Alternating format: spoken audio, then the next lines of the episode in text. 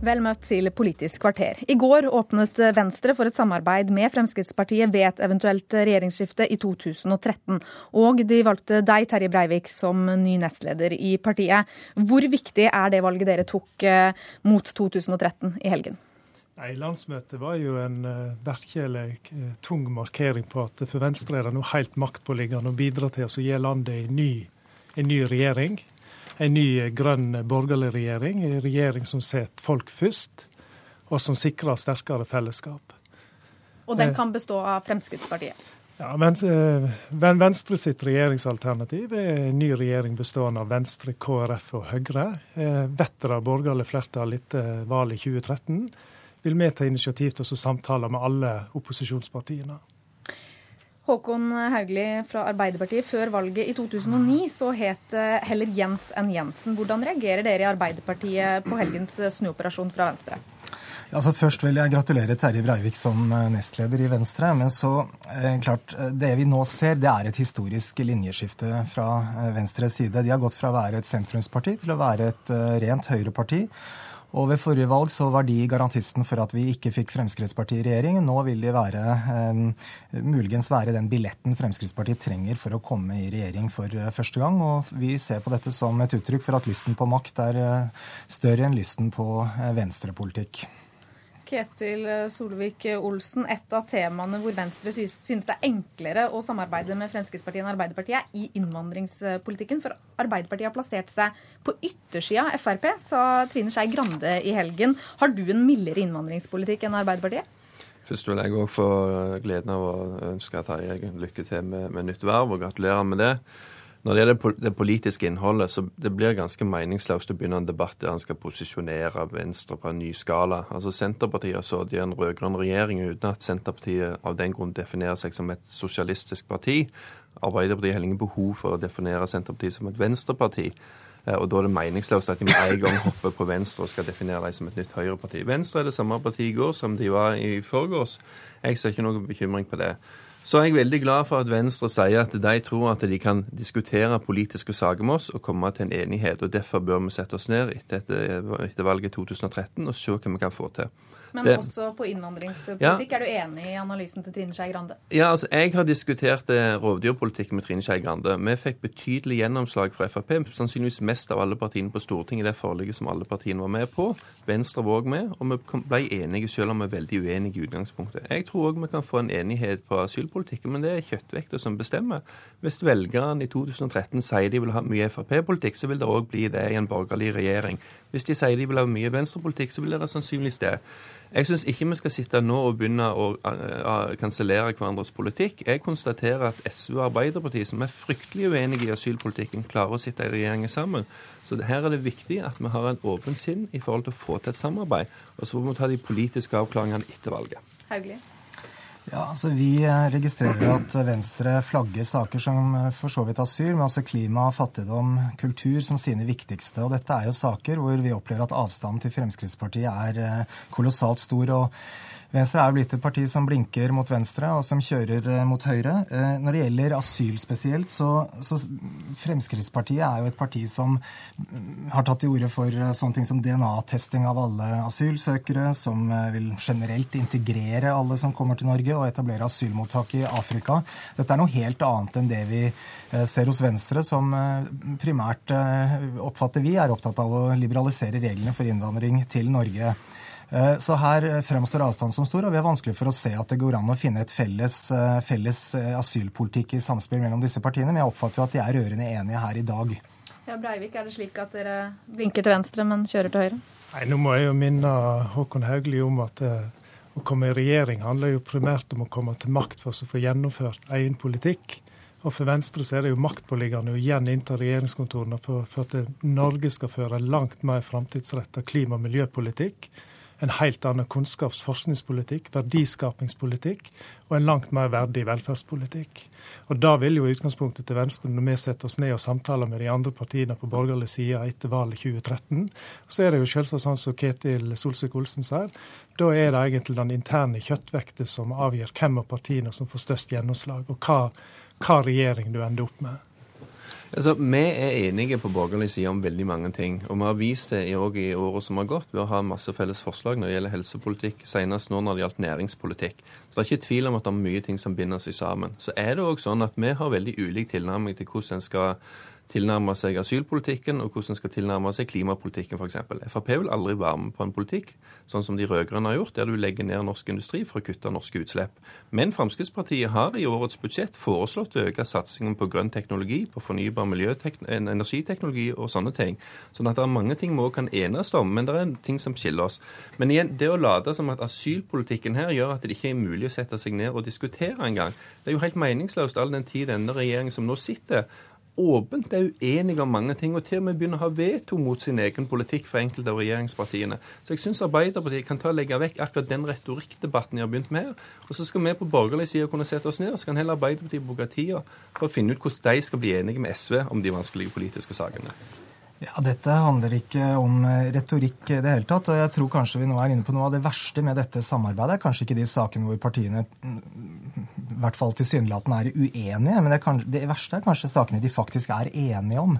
En arbeidslivspolitikk som gjør det enklere å si opp folk, skjenkepolitikk, distriktspolitikk, skatt, privatisering, tradisjonelle høyresaker. Og det vi ser i Stortinget, er jo at Venstre stemmer ofte for forslag som ligger til høyre for forslag som partiet Høyre fremmer.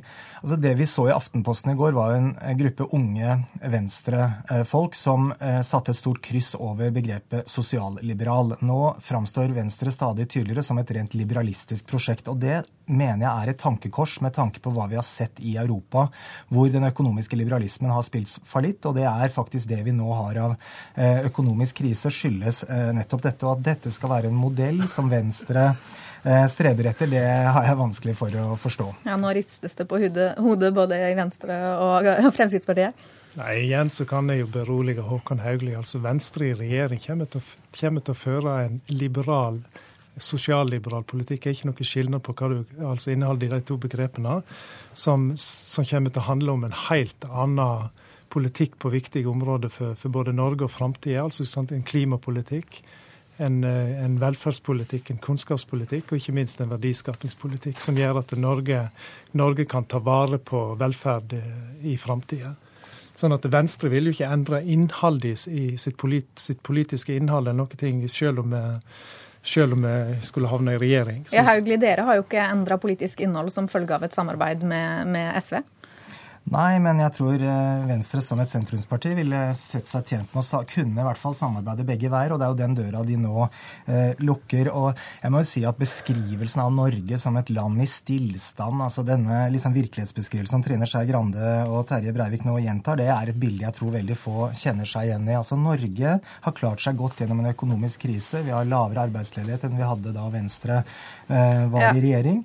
Og det gjennomføres store og viktige reformer bl.a. på helseområdet. Så her er det viktig at vi Jeg tror den virkelighetsbeskrivelsen den er feil, og det er på tide Venstre også realitetsorienterer eh, velgerne sine. Ketil Solvik-Olsen, dersom KrF og Venstre til sammen blir større enn Fremskrittspartiet, kan dere da komme til å støtte en regjering dere ikke selv er en del av?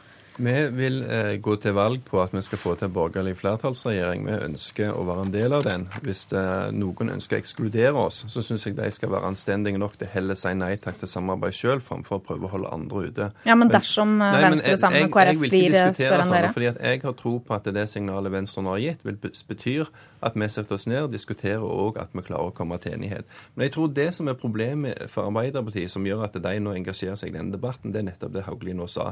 Venstre sier nå hvor de vil samarbeide. Det betyr at de vil ikke samarbeide med Arbeiderpartiet. Det betyr jo at Arbeiderpartiet nå ser at det flertallet de har styrt med i sju år, det vil ryke med neste valg, fordi at de mister potensielle ytterligere samarbeidspartnere. Det bekymrer de, fordi at de har ikke flertall på målingene.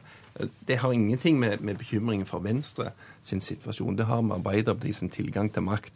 Nå har de altså sittet i sju år. De har en betydelig grad av maktarroganse, og det er nok det òg Venstre her kritiserer de for. Siste ord til deg, Terje Breivik. Kort til slutt. Vedtaket deres helgen betyr vel i praksis at dere vil støtte en regjering bestående av Fremskrittspartiet, Høyre og KrF, men ikke selv sitte i regjering, dersom, dersom oppslutninga rundt partiet holder seg sånn som nå? Nei, Vedtaket betyr igjen, som jeg sa innledningsvis, eh, to, to ting i hovedsak. Et nytt eh, et borgerlig flertall skal gi borgerlig regjering hvis det, hvis det står og faller på Venstre.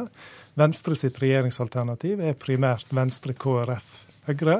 Og så er vi innstilt på å samtale med alle, alle posisjonspartiene for å få stabla på beina i ny borgerlig regjering. Takk til dere, Ketil Solvik-Olsen, Håkon Haugli og Terje Breivik.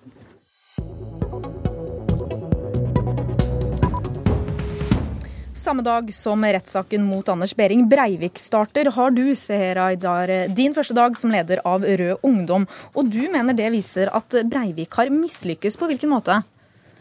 Det at jeg i dag kan være leder i en ungdomsorganisasjon, i en norsk ungdomsorganisasjon, viser at han ikke nådde målet sitt. Du mener at Norge først og fremst har klasseproblemer, ikke integreringsproblemer. Hva mener du med det? Uh, hvis vi ser på hva vi snakker om når vi snakker om integreringsproblemer, så er det egentlig klasseproblemer. Se f.eks. på getofiseringen av Oslo eller lavere deltakelse på arbeidsmarkedet. Disse er problemer som er knytta til klasse. Uh, I dag så er det over 50 ikke-vestlige innvandrere med høyere utdanning som har jobber de er overkvalifiserte for. Det betyr at de får mindre lønn og bosetter seg i steder som er billigere. Og det skaper getofisering formann i FPU, Himanshu Gulati. Er du enig med Aydar om at de største utfordringene i dag ikke er integreringsproblemer, men heller klasseproblemer? Eh, jeg mener at problemene i dag først og fremst er integreringsproblemer. Og det kan man jo se ved at f.eks. sysselsettingen blant, hvis man ser på somalere, er på 30% hvor tre av ti somalere jobber i dag. Og den er annerledes for andre grupper. 50 av marokkanere er sysselsatt, og for enkelte grupper så er sysselsettingen høyere enn befolkningen generelt. Det viser jo at det er integreringsproblemer vi har, og at integreringsproblemene er større i enkelte innvandrergrupper enn andre innvandrergrupper. Og Hvis vi også ser i USA, hvor somaliere gjør det veldig bra på arbeidsmarkedet og i stor grad er sysselsatt, mens ø, situasjonen er omvendt i Norge, så viser også det at norsk politikk ø, har en veldig passifiserende innvandringspolitikk som gjør at folk uh, ofte havner utenfor arbeidslivet enn istedenfor å være godt integrert. Jeg ser, Aydar, Er ikke nettopp disse arbeidsledighetstallene et eksempel på at, at, at det er integreringen som svikter, og at det, det, er problemet som skaper disse sosiale forskjellene? I dag er det jo 25% mindre sjanse Eh, til å få jobb hvis du har utenlandsk navn. Det er problemet med uh, arbeidsmarkedet. Det betyr at jeg har mindre sjanse til å komme inn i arbeidslivet. Det er problemet. Det er ikke det at jeg ikke vil. Det er langt flere som ønsker det. Og jeg mener at hvis vi skal løse disse problemene, så må vi se på boligmarkedet og arbeidsmarkedet. Da må vi ha inkluderende og rettferdig arbeidsliv, og da må vi ta bolig ut av markedet og ha sosial boligpolitikk. Og vi ser at høyresiden ikke har lyst til å løse disse problemene. Se på Oslo, der byen er helt delt. Det kommer ikke av seg selv. Hva vil dere gjøre for å løse disse problemene? Jeg er helt enig at man må også gjøre det enklere for innvandrere å komme inn på arbeidsmarkedet. Blant annet så syns jeg at midlertidige ansettelser vil, øke terskel, nei, vil senke terskelen for at flere får en fot innenfor, og dermed også får en større sjanse for å få jobb enklere. Det gjelder ikke bare innvandrere, det gjelder også ungdom og andre grupper. Men vi er nødt til å se på at hvis vi sammenligner eh, grupper igjen For somaliere så er det 30% som er eh, sysselsatt. For andre grupper er også tallet under 50% mens noen grupper, f.eks. srilankere, så er nesten 70% sysselsatt. Og dette er også personer som kommer fra krigsområder, har kommet der som bl.a. flyktninger og asylsøkere. Så vi er nødt til å se på hva gjør at noen grupper er bedre integrert, og da prøve å gjøre det samme med andre grupper. For det er først og fremst integreringsproblemet vi har i Norge. Heldigvis er, vi i et land hvor klasseskillene ikke er så store, og da må vi ta integreringsproblemene på alvor. Ærlig talt. Uh, nå driver det å dele folk i nasjonaliteter, så det svir. Jeg mener f.eks. jeg bor i Groruddalen, for det var det jeg hadde råd til. Og det tror jeg de fleste gjør. Jeg bor ikke der fordi at jeg syns det er kjempeeksotisk med innvandrere, på en måte. Uh, og når det gjelder folk som, uh, når det gjelder midlertidige ansettelser, så mener jeg at alle har rett på faste ansettelser for å ha trygg arbeidsliv. Både nordmenn og innvandrere. Og det er nettopp det det handler om. At folk skal føle seg trygge. Ja, faktum er jo at forskjellen i sysselsettingsandelen er veldig veldig stor blant grupper. og Da må vi også tørre å se på hva som er forskjellen på de ulike gruppene, og hva vi kan gjøre for å bedre integreringen. Vi må nødt til å avslutte der, men vi kommer helt sikkert til å høre mer fra dere, Seher Aydar. Du har din første arbeidsdag som leder av Rød Ungdom i dag, og takk også til deg, Himanshu Gulati. Nå går Alltid nyheter ut av Nyhetsmorgen og sender fra rettssaken sammen med NRK1. Og P2 de sender fra rettssaken klokka ni. Det var alt fra oss i Politisk kvarter. Takk for nå.